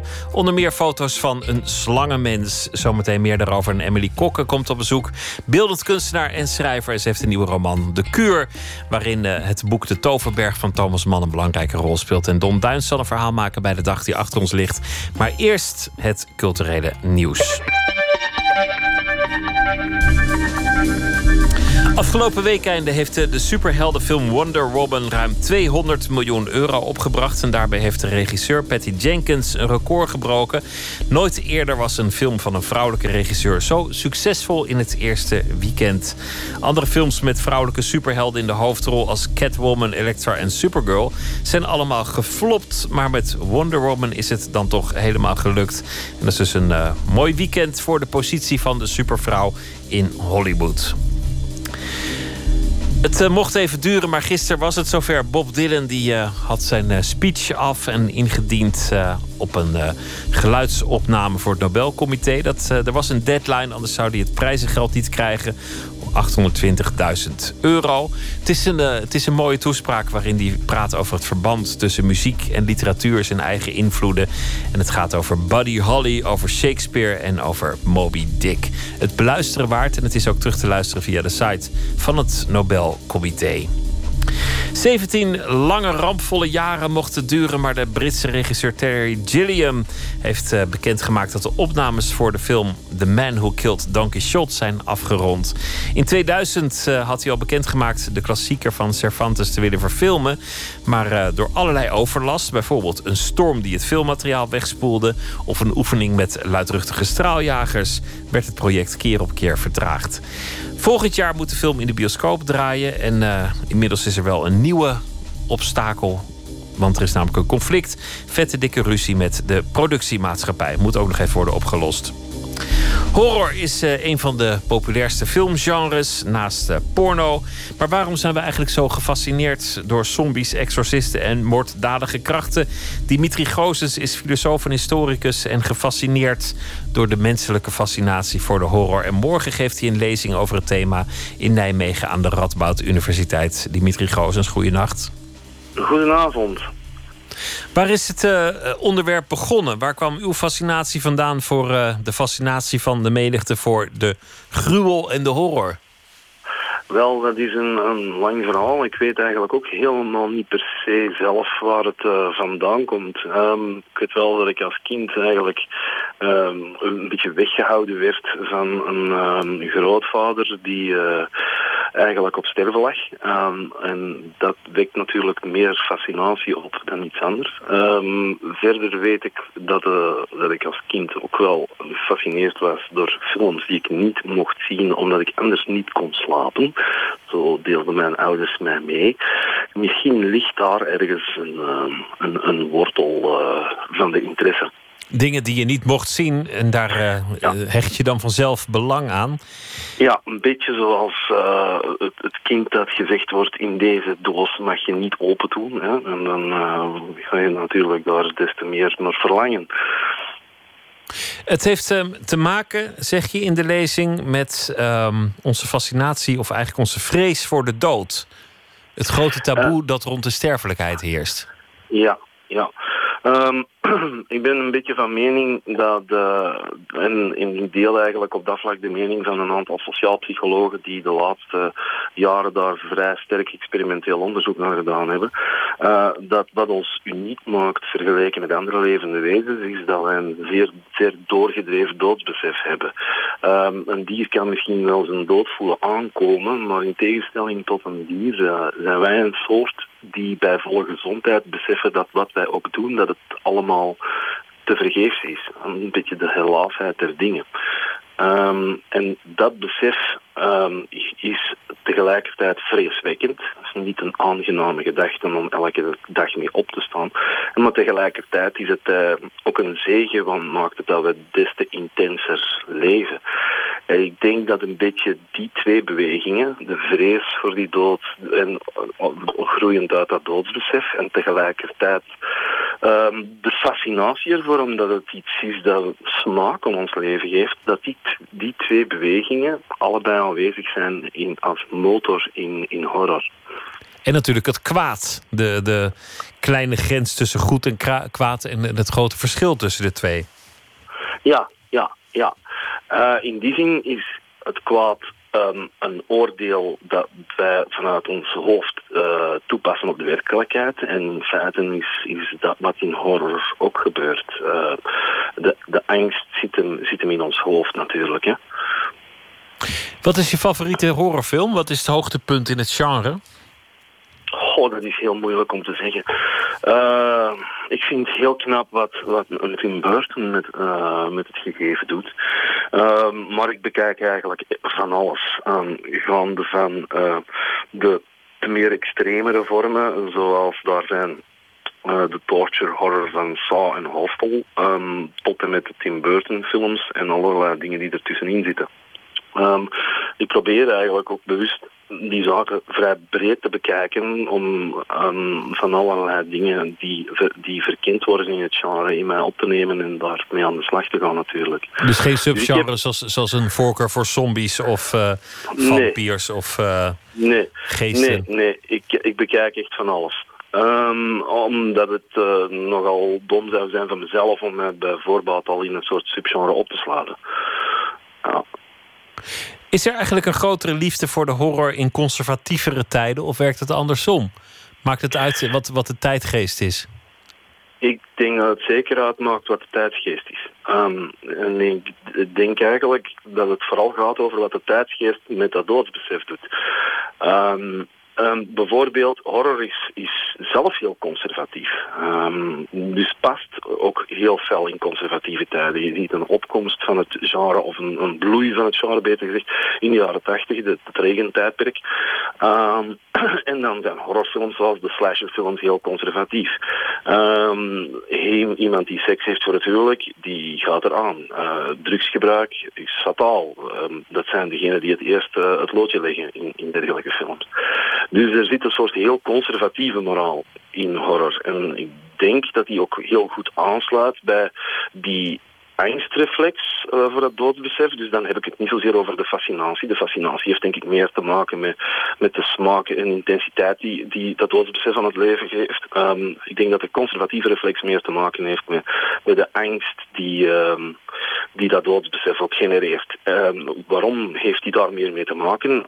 dat, dan verwijs ik naar dat onderzoek van de sociaal psychologen Sheldon Solomon en Jeff Greenberg bijvoorbeeld, die, die, die een onderzoek heeft uitgewezen dat als je in tijden van, van, van laag zelfbeeld, in tijden van een onveiligheidsgevoel, als je mensen dus op die manier hun, hun verdrongen doodsbesef triggert, dat ze dan heel conservatief gaan reageren, vasthouden aan, aan traditionele symbolen, traditionele normen en waarden. Dus ik denk in die zin uh, is er zeker een link met de tijdsgeest. Als de tijdsgeest uh, het doodsbesef meer triggert, dat wij proberen een beetje onder de mat te schuiven uh, om de dag door te komen, want niet echt een aangename gedachte om elke dag mee rond te lopen. Dus als de tijdsgeest dat doodsbesef triggert, dan schieten we Ehm, zeker in deze postmoderne tijden waar uh, de, de, druk om te presteren zo groot is dat heel wat mensen met laag zelfbeeld ontlopen, dan schieten wij in een conservatieve kamp. En uh, die conservatieve reflex die zie je heel duidelijk in horror. Bijvoorbeeld uh, in The Walking Dead is er een heel duidelijk rollenpatroon dat heel traditioneel is. Ehm, de rol van de religie eh, in, in horror is ook wezenlijk. denk maar aan de boeken van Stephen King, waar altijd religieuze fanaten bijvoorbeeld in rondlopen.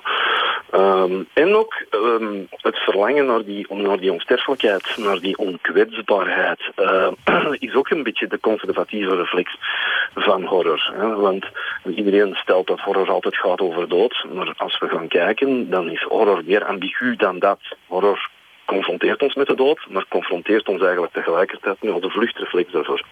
Nou, als je het zo zegt, uh, klinkt het toch als een, als een heel, uh, heel interessant genre ineens. Dimitri ja. Goossens, dank. Morgen een uh, lezing aan de Radboud Universiteit in Nijmegen over uh, ja. de horror, de tijdgeest, de angst voor de dood en de fascinatie voor de gruwel. Goeienacht. Zeer zeker. Bedankt.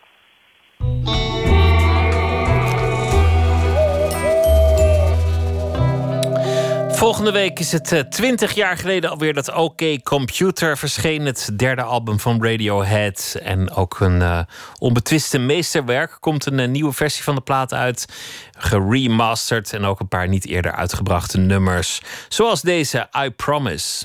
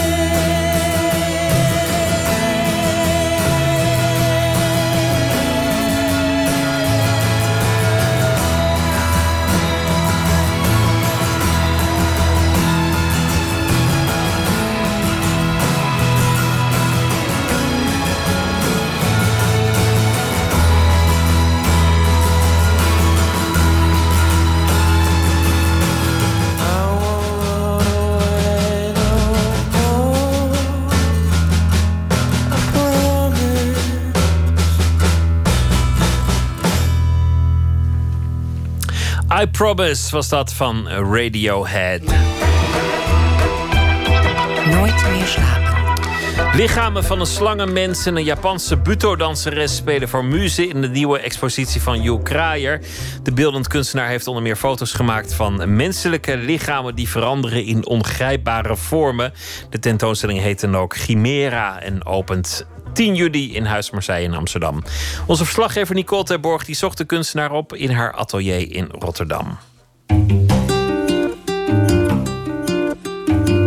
Dit is de plek waar ik aan mijn tekeningen werk en, uh, en aan mijn beelden. Ik maak soms ook beelden. Dit is eigenlijk de, de zogeheten vieze ruimte. en thuis heb ik een, uh, een schone ruimte. Vieze ruimte? Hoezo? Vertel. Nou, er ligt houtskoolstof overal en zo. Dus dit is geen geschikte plek om, uh, om met prints van foto's in de weer te zijn.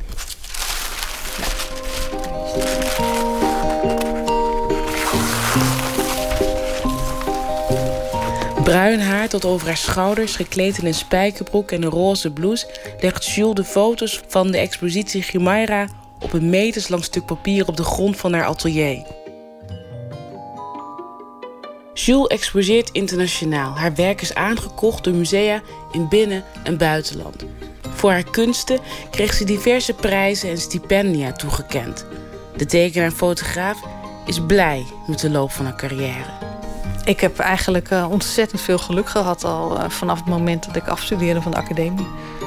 Ik ben eigenlijk uh, bijna altijd gewoon gevraagd. Dus dit is geld stroom binnen. Nou, dat is dan weer iets anders. Hè? Exposure is één ding, geld is iets anders. Maar nee, ik heb nooit serieuze financiële problemen gehad. Ik heb nu net een beurs gekregen van het Mondriaan Fonds. Later zal blijken dat Jules, ondanks deze bloeiende carrière, altijd nog een wens had. En dat heeft alles te maken met de foto's die voor ons liggen. Uh, ik, ik, zag foto's die mij bleven fascineren. Niet een, foto's van een vrouw of van een meisje, maar foto's van een, van een, ja, een ja. wezen, maar niet, niet, niet direct een menselijk wezen. Als je inzoomt op organismen, dan kunnen bijvoorbeeld mensen en planten op elkaar lijken. Vroeger in de biologieles was ik al gefascineerd daardoor. Hoe het menselijk geraamte kan lijken op een bladskelet. Of hoe de doorsnede van een bloem kan lijken op een menselijk geslachtsorgaan. Bij deze foto's van Jules voel ik dezelfde fascinatie. Afbeeldingen, zwart, wit en grijs van verschillende organismen, sommige levend, sommige niet, lijken op elkaar. Bijvoorbeeld een foto waar de vormen van twee opgedroogde bladeren lijkt op een foto met de torso's van twee vrouwen. Een boetedanseres en een slangenmens, beide naakt, zijn zo verstrengeld in elkaar dat de lichamen niet te onderscheiden zijn. Het gezicht is uh, bedekt met haar of het valt weg tegen de achtergrond. Je kan eigenlijk niet eens zien wat het is. Nou, dat vind ik wel fijn om te horen. Want het, het hoeft ook niet in één keer duidelijk te zijn uh, wat je precies ziet. Uh, ik probeer een integrerend beeld te maken. Wat ik heel erg had bij deze foto's, is alsof je zoekt naar een soort anatomische overeenkomst tussen dieren, planten. Hier bijvoorbeeld zie je uh, wervelkolom en ribben. Ik moet ook denken aan fossielen. Universele kenmerken van het leven. Uh, ik, ik, zoek wel, dat, dat merk ik in de, de selectie die ik uh, maak daarna, naar foto's waar het lichaam niet in eerste instantie of niet uitsluitend als menselijk herkenbaar is. dat het mogelijkheden opent inderdaad om het als een soort fossiel te zien, zoals jij zegt. Of, of als iets dierlijks of, of zelfs plantaardigs. En waarom is het zo dat in jouw werk altijd dat lichaam zo'n centrale rol speelt en dat je niet individuen wilt afbeelden, maar dat je juist dat universele wil laten zien? Weet jij wat dat is? Het is gewoon een gegeven eigenlijk voor mij en het is eigenlijk altijd al zo. Uh, sinds de kunstacademie eigenlijk uh, gaat dat zo. Uh, niet, niet, individueel, niet, niet, over de persoonlijkheid niet vleeselijk eigenlijk. Grens, uh, grensoverschrijdend of grensoplossend misschien meer. En dan de grens tussen het, het, het, menselijk zijn en de, de buitengrens van het lichaam.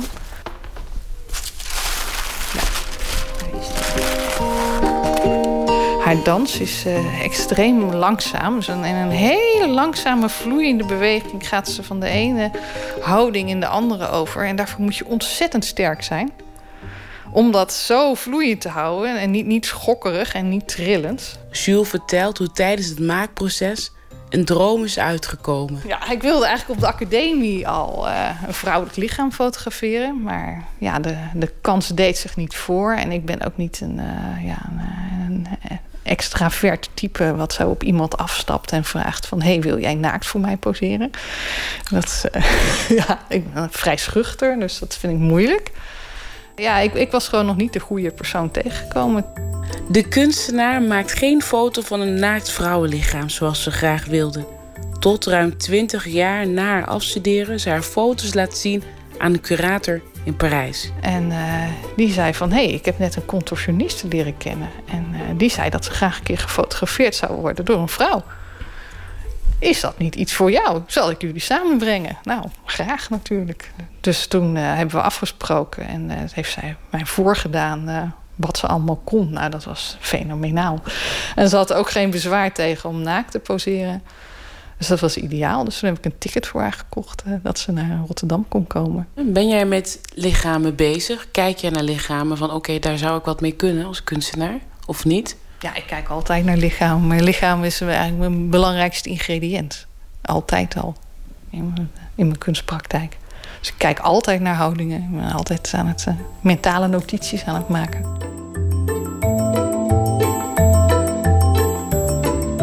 Zou mijn lichaam nou ook geschikt zijn? Je mag eerlijk zeggen. Uh, dat zou ik niet zo weten. Ik werk eigenlijk altijd met een soort van uh, hele neutrale lichamen. Zonder.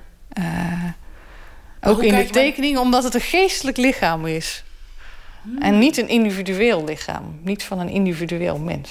Maar waar kijk je dan naar? Want wat ik hier dan zie zijn het wel vrouwen die dus um, ja, weinig vet hebben. Die dus heel buigzaam zijn. Dus ik ben benieuwd van waarom mijn lichaam wel of niet geschikt zou zijn. Nou, je bent geen slangenmens om te beginnen. Dat is nou jammer. Dat, ja, misschien met heel veel oefenen. ik, uh, ik weet eigenlijk niet eens of ik uh, gewoon een, een, normaal iemand zou kunnen fotograferen... die dus geen professional is met zijn lichaam. Ik heb het nog niet geprobeerd. De modellen op haar foto's, slangenmens Lise Pouton en boeto-danseres Camille Mutel, zijn volgens de fotograaf supervrouwen. Dat is een voorwaarde om deze foto's, die een onderzoek lijken naar een anatomisch universum, goed te kunnen maken. Nou, dat was een, uh, een soort lang gekoesterde wens die eindelijk uitkwam om uh, beide modellen samen te krijgen in Rotterdam. En dat is niet eenvoudig, want ze wonen allebei in Frankrijk en uh, ze, zijn druk bezet. Maar uiteindelijk was het gelukt uh, op mijn verjaardag. het voelde ook echt als een verjaardagscadeau.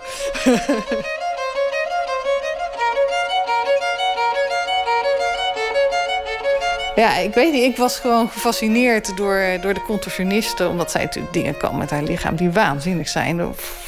Onvoorstelbaar gewoon. En ook dat ik kan schetsen. En normaal als ik schets en ik gebruik het voor een tekening... dan uh, loop ik niet op tegen de beperkingen van het menselijk lichaam. Maar als je fotografeert natuurlijk wel. Dan uh, zeg je, en buig nou nog eens naar achter. En uh, ja, dat gaat dan helemaal niet verder. Maar bij een contorsioniste kom je een heel stuk verder. Dus dat is eigenlijk heel, heel kneedbaar. Het is een soort van uh, het maken van een sculptuur met een levend lichaam.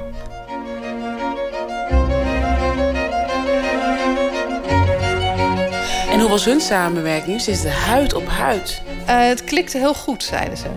Uh, ze zijn allebei natuurlijk uh, vanuit hun beroep gewend aan uh, ja, nauw lichaamscontact met andere mensen. En de Buto-danseres treedt ook altijd naakt op. Dus zij is helemaal zelfs gewend aan naaktcontact met anderen. Geen probleem. Maar zeggen ze toch, het moet ook persoonlijk dan nog klikken. En soms dan ja, mogen je lichamen elkaar niet op de een of andere manier. Maar dat ging juist heel goed met hun tweeën. En we starten de dag dan, ze komen bij, bij ons logeren. Ze starten de dag met een warming-up van uh, een uur of zo.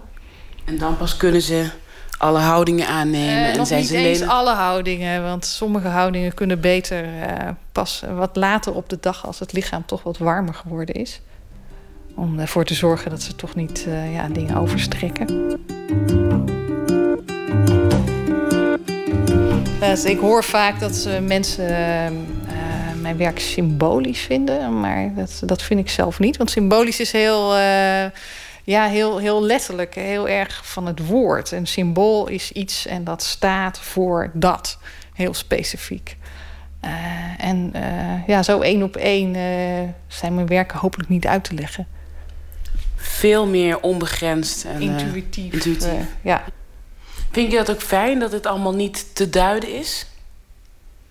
Ja, dat, dat is wel een voorwaarde bij mij. Dat het niet zo één op één te duiden is.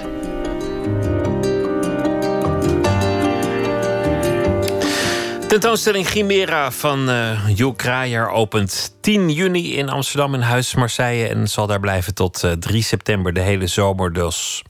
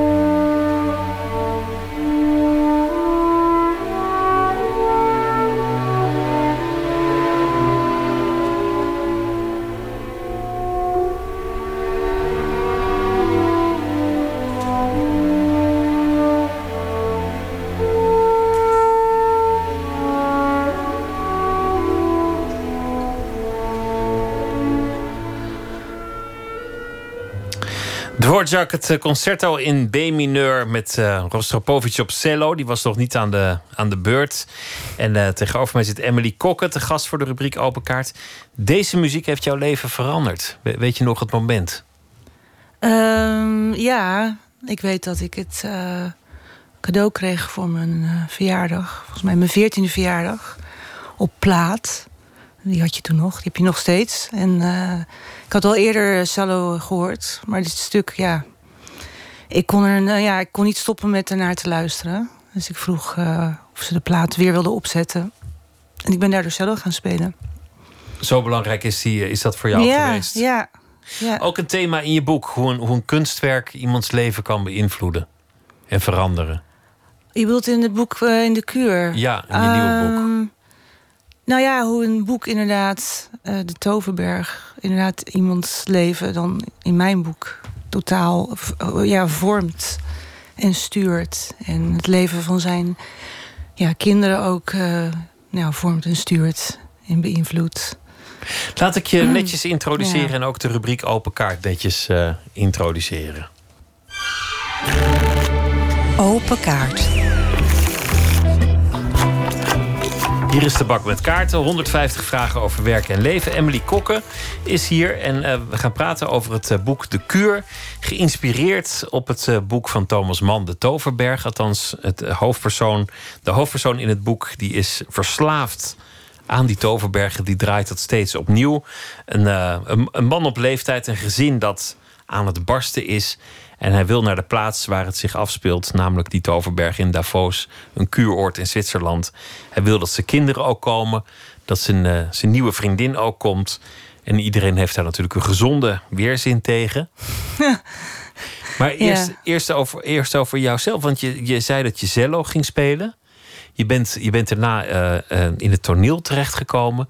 Beeldend kunstenaar ben je geworden. Ja. En relatief laat ben je ook nog eens gaan schrijven. Ja, relatief laat. Ja. Of, of, of vind je dat eigenlijk wel meevallen? Hoe laat? Ehm, nee, dat is, wel, dat is wel relatief laat. Maar ik, ik heb er laatst ook over zitten denken. Want stel dat ik nou de keuze zou hebben om ineens heel veel jonger te zijn en nu hè, het schrijverschap eh, nou ja, te beginnen. eh, zou ik dat dan willen? En dat, ergens zou ik het willen, maar ik denk ook wel dat het zo moest zijn. Dat het ook goed is geweest om zo'n lange weg te hebben moeten afleggen. En al die verschillende kunstdisciplines eh, te hebben verkend. Ehm, Het is ja, goed zoals het gegaan is. Nou ja, die ook allemaal wel met taal te maken hebben. Dus op zich vind ik de, de, ja, de relatie muziek en schrijven is, is niet zo'n hele vreemde relatie. En toneel en schrijven al helemaal niet. En beeldende kunst misschien ook al niet. Nee, nee. Goed, dan, dan, dan eh, het boek De Toverberg. Hoe kwam je op het idee om, om dat als uitgangspunt te nemen voor een, voor een roman? Ehm, nou, ik had ehm, na mijn eerste boek, wat, wat heel erg dicht bij mezelf eh, lag, dus dat in ik-vorm en over een vrouw in de kunst, eh, had ik behoefte om iets te schrijven wat, wat echt ver van me af lag. Dus dat was een redelijk rationele keus. Om een man, eh, ja, een wat oudere man met, met, met meerdere exen en volwassen kinderen, om daar iets omheen te gaan bouwen. En ook om ehm, iets te zeggen over de huidige tijd. Het, hoe, hoe het is om op te groeien in een eh, ja, beetje spannende tijd. Waarbij je heel veel keuzes moet maken. En in eh, 2012 kwam een nieuwe vertaling eh, uit van de Toverberg. En dat heeft het wel, ehm, ja, hoe zeg je dat, een extra impuls gegeven. Ik kan het ook niet helemaal goed uitleggen van dat dit was het moment waarop ik besloot om de Toverberg te gaan gebruiken. Ik heb dat boek altijd wel heel mooi gevonden en belangrijk gevonden. Maar het kwam, kwam, het kwam ja, ineens, bij wijze van spreken, bij elkaar. En ik dacht in het begin ook, eh, zal ik het wel doen? Het is best wel een lastig boek. Maar het is een boek waar heel veel mensen zielsveel van houden. Het is ook Dus, juist eh, een boek dat heel veel mensen aanhalen als een, als een eh, levensveranderend moment. Ja. Ik, ik ken er zelf Oh, ja? meerdere mensen die, die dat als de basis van hun denken of hun leven hebben, hebben gekozen. Dat boek.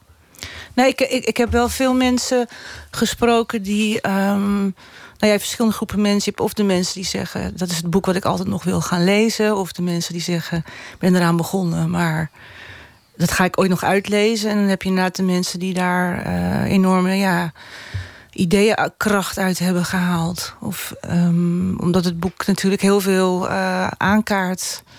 Heel veel, het gaat over liefde. En het gaat ook over angst en keuzes maken. En over ja, ziek zijn en dood. Ziek Dus, zijn, eh, dood, ja. eh, eh, moeilijke relaties. Ja. Een, een tijd vol dreigingen die, die te snel verandert. Al, al die thema's zitten daarin. Ja.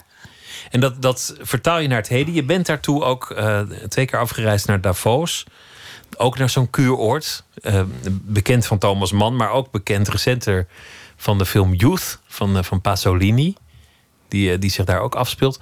Hoe ging je daar te werk? Want je, je reist er naartoe met al een idee voor een boek. En dan, en dan ben je daar. Ben je dan ook gericht op zoek gegaan naar dingen die je zou kunnen gebruiken? Nou, ik ben echt naar de mm, plek gegaan waar, eh, waar het boek zich afspeelt. Dus ik heb ook. ehm, het, het, boek speelt zich af, of eigenlijk in een fictief. Of de, de Toverberg. In een fictief eh, sanatorium gebaseerd op de plek waar de vrouw van Thomas Mann verbleef. En hij verwees steeds naar het, ja, het echte sanatorium. Daarboven op de berg. En daar is een hotel. En daar heb ik eh, gelogeerd een aantal keren. Wat Dus, tref, eh, wat tref ja. je nog aan van die sfeer? Wat, wat is er nog Ehm, over? Ja, het is eh, helemaal Art, nou, art Nouveau, Jugendstil. Ze hebben heel veel, ook, ook wel voor de mensen die daar komen... in de oude staat of opgeknapt. En de zalen zijn ook genoemd naar personages uit de Toverberg. Dus er wordt wel heel erg naar verwezen. Er wordt elke dag een eh, krantje uitgebracht, eh, de Chatzette... over de Schatzalp. En daar worden ook dingen in verteld over de Toverberg. Dus dat boek is ook heel belangrijk. Ja, ook voor, voor heel Davos. Er zijn ook veel mensen die daarheen gaan vanwege het boek. Dus Maar het is bij jou eigenlijk alleen maar de achtergrond. Want het is, het is toch ook echt een boek over het heden en over een gezin in het heden. Het gaat niet over Thomas Mann, het gaat niet over, nee, het over het, kuuroord. Dat is allemaal een, een, een mooie achtergrond om een veel fundamenteler verhaal te vertellen. Namelijk een gezin die, van, waarvan elk lid op zijn eigen manier bezig is met een soort verandering. ja, het, is, het gaat echt over de, de familie Altman. En ehm, die, die inderdaad onderling al problemen hebben. En problemen hebben met zichzelf. En natuurlijk ehm, ja, ge- gestuurd door zo'n vader... met hele duidelijke overtuigingen over hoe de dingen nou, zouden moeten. Of hè, zouden, ja, hoe je dingen moet doen. Hoe het hoort, ja. Ja, hoe het hoort. Maar ook, ehm, ja, ook met, een man met de agenda. Dus, het, het, het, het verhaal, het plot is dat hij is directeur van de RAI... maar hij wil, hij wil eigenlijk directeur zijn van een heel groot centrum. En Davos is niet alleen bekend vanwege eh, Thomas Mann... ook vanwege de congrescentra, dus eh, vanwege De World, zo, Economic ja. Forum. En daar is hij ook eh, helemaal door ja, verblind, zou je haast kunnen zeggen. Dus die, die, ja, die, die rode draad loopt ook door het boek. De ambitie, de ijdelheid Ja, De ja, frustratie. Dat, dat soort, eh, ja. en het, en het Ja. rommelig communiceren. Laten we beginnen met eh, de, de kaarten, de, de aard van de rubriek. Wil je een, eh, een vraag trekken, alsjeblieft? Dan zal ik de vraag voorlezen, neem Ja. ik aan. Hè? Ja, ga je gang. Ben je meer van het talent of de techniek? Ehm, ja, ik, ehm, ik denk beide. Als ik de vraag zo heel vrij interpreteer. Bij techniek moet je vooral heel erg inspannen. Veel trainen, veel oefenen. Ik, ik zit nu even hard op eh Ja, te allebei. associëren. Allebei denk ik wel. Zullen we er nog geen doen? Oké, ja.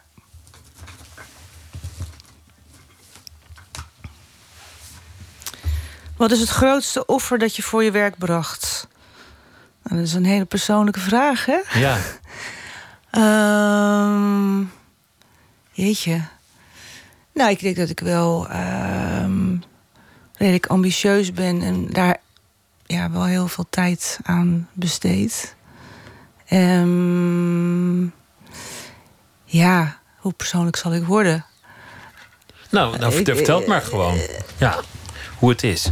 Hoe het is? Ja, wat, wat is het grootste offer dat je hebt gebracht? Ik vind het heel lastig om dat heel concreet zo te zeggen. Maar ik denk wel dat ik eh, bepaalde dingen ehm, niet doe... omdat ik eh, me heel erg eh, wil richten op mijn werk. Wat voor dingen doe je dan niet? Ehm, nou, ik, ik focus wel heel erg op mijn eigen ontwikkeling. Of ik concentreer me daar wel heel erg op. En ik... ehm, ja, hoe zou ik het zeggen? Ehm, ik zal bijvoorbeeld... Het is niet zo dat ik me dan heel lang opsluit in mijn atelier... of mensen niet zie. Maar ik maak daar wel steeds heel bewust keuzes in. Ten, ten, koste van het sociale leven? Ja, ik of, denk dat eh, dat... Maar ik vind offer zo'n eh, zo'n zwaar woord. Ja, is het ook, maar je maakt gewoon een keuze. Ja. Of ten koste Ja. van, een, van een gezinsleven, bijvoorbeeld? Of niet? Nou ja, ik heb, eh, ik heb een vriend, ik heb geen kinderen. Maar het is niet zo dat ik heel bewust op een gegeven moment dacht... ik ga geen kinderen nemen, want dan eh, Kan ik lekker kom ik op een gegeven moment eh, met een boek. eh, nee, zo is het, Zo is het niet is het gegaan. niet gegaan. Nee. Maar je Nee. maakt een duidelijke keuze. Het is, het is belangrijk voor je en je steekt daar je Ja, tijd het in. is, het is zeker belangrijk, ja. Zullen we nog een, Ja. een, een vraag doen? Heb je wel eens gevochten? Ehm, ja, ik heb als, als kind wel eens gevochten, ja. Ik was wel een vechtersbaasje. Echt fysiek? Krabben? Ja. Slaan? Ja. Stompen? Nou, ik kan me herinneren als meisje dat ik wel op school ehm, wel ruzie had met een meisje. En dan werd er flink aan haren getrokken. Ja. Maar echt flink aan haren. Dus Gewoon echt meisjes. Ja. En waar ging dat dan over? Ehm, ja, ik zit te denken, hoe oud was ik toen? Ik denk jaar of negen of zo. En kinderen kunnen heel, heel gemene dingen tegen elkaar zeggen. Ja, dan, dan, dan dat- gaat het mis. Nou ja, dan gaat het niet meteen mis. Maar eh, ja, nou ja. Ik Dat- heb, dus, ik heb dus wel eens gevochten, ja. Nou, neem, neem nog zo'n vraag. ja. Eh, volgende is: welk kunstwerk moet gered worden als de wereld in brand staat? Ehm, ja, ik vind dat eh, al het werk van eh, Mark Rothko gered moet worden. Als de wereld in brand staat. Nou, dat is een goed idee. En velen vinden dat met je, gezien de, Ja, en velen vinden de dat niet. populariteit maar, en de eh, prijs ja. en de drukte bij de tentoonstellingen. Ja. En wa- wat betekent dat voor jou, dat werk? Waarom, waarom, vind je dat, waarom noem je dat als eerste? Dat is het eerste wat in me opkomt. Ik kan wel meer werken. Ja, er is ook zoveel. Maar dit, ja, dat is wel werk wat mij wel heel veel doet. Wat wel eh, zo'n kracht heeft. En zo, eh, nou ja, wat zoveel teweeg brengt, inderdaad, in andere mensen ook. Dat ogenschijnlijk gewoon vlakken zijn. Ja, mens- mensen hebben hele doorbraken, Eh. Ja, psychologisch zo, kijkend naar ook dat weer werk. zoiets, ja. Barsten in tranen uit. Ja, ja. Het boek heet eh, De Kuur. Emily Kokke, dank je wel. Het was leuk om je te gast te hebben. Dankjewel. Ja, leuk om hier te komen.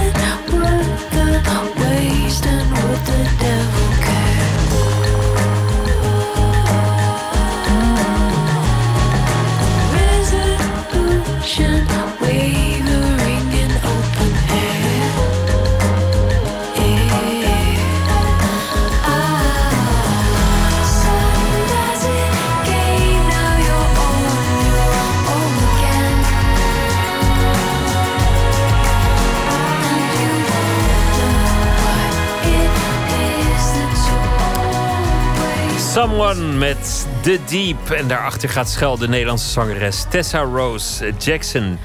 Eén minuut, een reeks verhalen in 60 seconden. Deze is gemaakt door Katinka Beer en heet Maaike in Burundi. Pst, één minuut. Ik weet nog dat ik samen met die vrouw achter in de jeep zat. Zij zat op handen en knieën.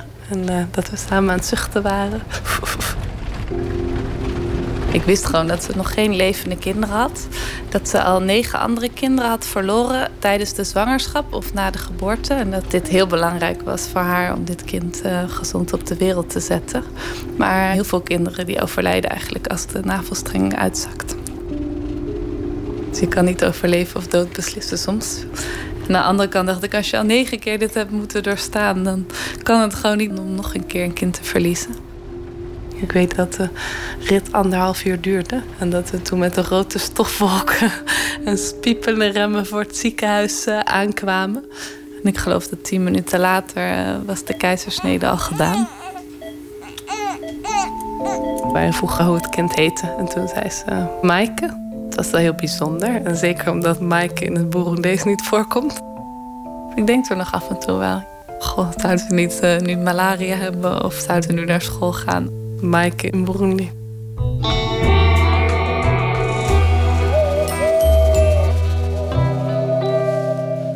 Don Duins is deze week onze vaste schrijver. Hij zal elke nacht een verhaal maken bij de dag die achter ons ligt. Don, goeienacht. Goeienacht. Hey. Wat een, uh, wat een prachtig weer was het vandaag. Ja. Dat is mooi, hè?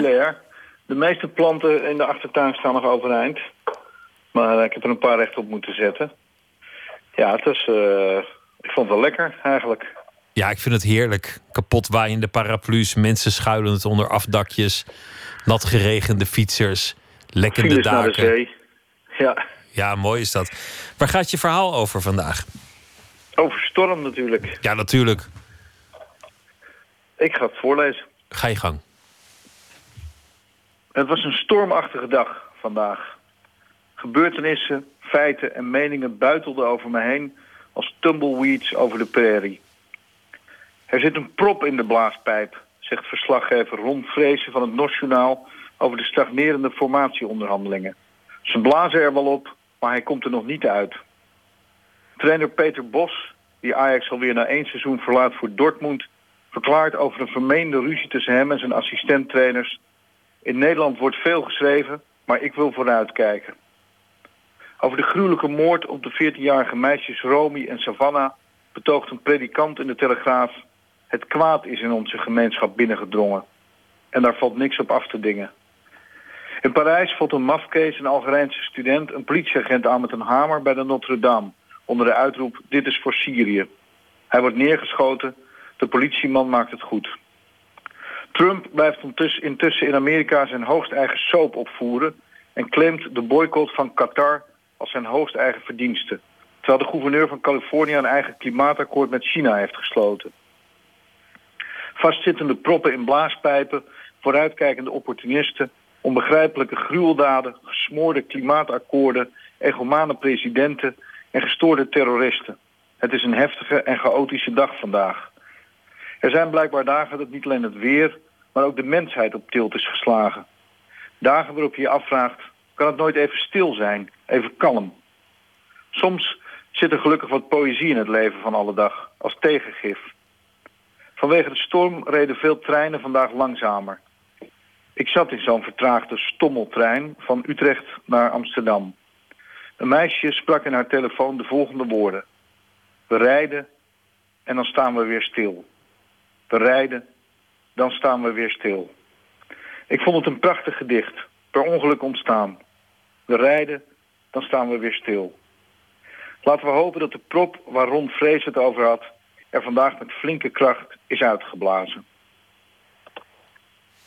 Het is inderdaad poëtisch. We rijden en dan staan we weer stil. Ja. En dat dan twee keer. Een soort ready-made of een soort haiku die opeens wordt... of haiku, zeg je dat, die opeens uh, door de coupé uh, scheldt. Ja, jammer dat ze het zelf niet door had. Dat ze zojuist iets poëtisch had gedaan. Of misschien ook juist wel mooi dat het, uh, dat het zo was. Misschien luistert ze. Ja. Dat zou mooi zijn. Ik vind die, die beeldspraak van die prop, ik had hem niet gehoord van Ron Vrezen, die vind ik, vind ik ook wel aardig gevonden. Ik zie het meteen helemaal voor me, al die politici om de beurt die, die op die prop blazen. Of misschien dat ze aan beide kanten blazen. Dat, dat is helemaal een mooi beeld. Ja, precies. En volgens mij was Ron er nog niet klaar mee. Want hij ging nog met die beeldspraak nog wel door. En ik denk dat hij de komende dagen misschien eh, nog wel met meer eh, op de proppen komt. Juist. Dus hij blijft, denk ik, hiermee woord spelen de komende Ja, dagen. dat is altijd het risico, dat je dan verder verliest in zo'n beeldspraak en het alleen nog maar over die beeldspraak gaat. En dat ze dan op een gegeven moment vragen: Hé hey Ron, hoe is het met die blaaspijp vandaag? Ja, precies. Niemand weet meer waar het over gaat. Ja. Nou, het was een, een, een mooie storm en een onrustige dag. Don Duins, dankjewel. Goeienacht en tot morgen. Goeienacht. Tot morgen. Benjamin Booker heeft een eh, nieuw album. Zijn tweede Witness is daarvan de titel. En dit nummer heet Motivation.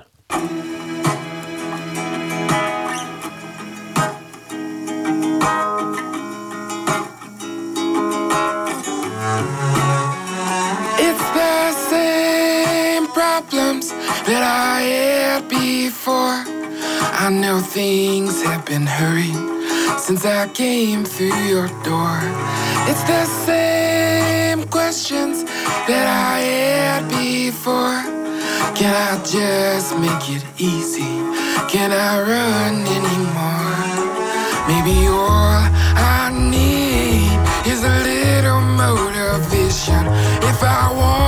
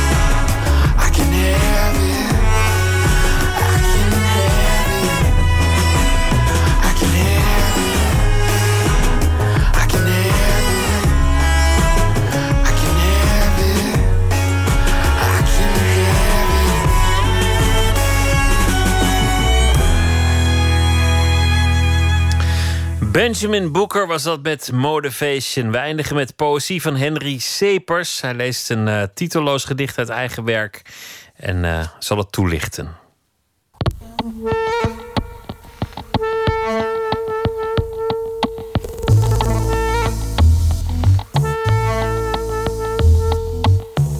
Manon Lasco.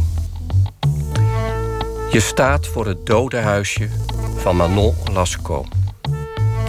Die twintig jaar na jou geboren werd en hier al zes jaar ligt. Je denkt, één dode maar. Eén schedel om te bevlezen. Te bekleden met weefsels zo teer als nimmer tijdens haar eerste leven. Eén dode en geen massaresurrectie. Geen apocalyptische ruiters die met showmuziek de grote truc van Christus rondbazuinen. Maar een simpele geste. Een hoffelijkheid jegens dit meisje.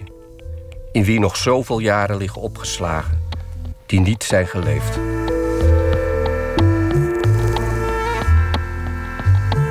Uit mijn laatste bundel, Je zadelt een vlinder, verschenen in mei 2015. Uh, het is een bundel waarin landschap en dichter, ik, uh, in elkaar lijken over te vloeien. Uh, een deel van de bundel gaat over een kerkhof. Een kerkhof van een klein dorpje in de Limousin in Frankrijk. misschien kent u ze wel. die kerkhoven waarop de doden in huisjes wonen. Soms huisjes van glas. Het gedicht is eigenlijk titelloos, maar voor de gelegenheid doop ik het. Manon Lascaux.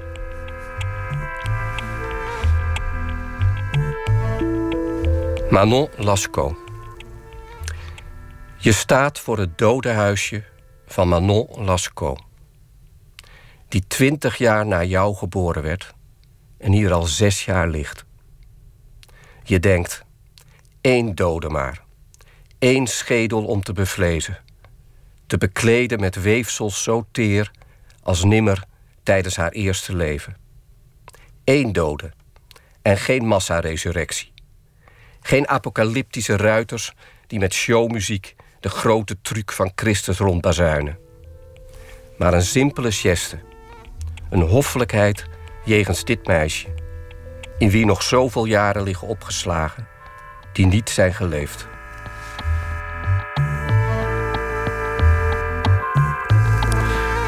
Schrijver en dichter Henry Sepers las een titelloos gedicht dat hij voor de gelegenheid Manon Lasso doopte. Morgen in Nooit meer slapen komt Joke Chalsma op bezoek. Bekend van film en televisie, maar ook uh, te zien in een voorstelling van theatergroep Carver. Zwaar metaal. Een stuk over een ouder wordende rockband. En het uh, nou ja, alle problemen des levens. Die komen voorbij uh, tijdens uh, de aanloop naar een optreden. Dat allemaal morgen in Nooit meer slapen. Voor nu wens ik u een hele goede nacht en morgen een leuke dag. En graag weer tot dan. En zometeen op deze zender kunt u luisteren naar Omroep WNL. Heel veel plezier daarbij. Goeie nacht.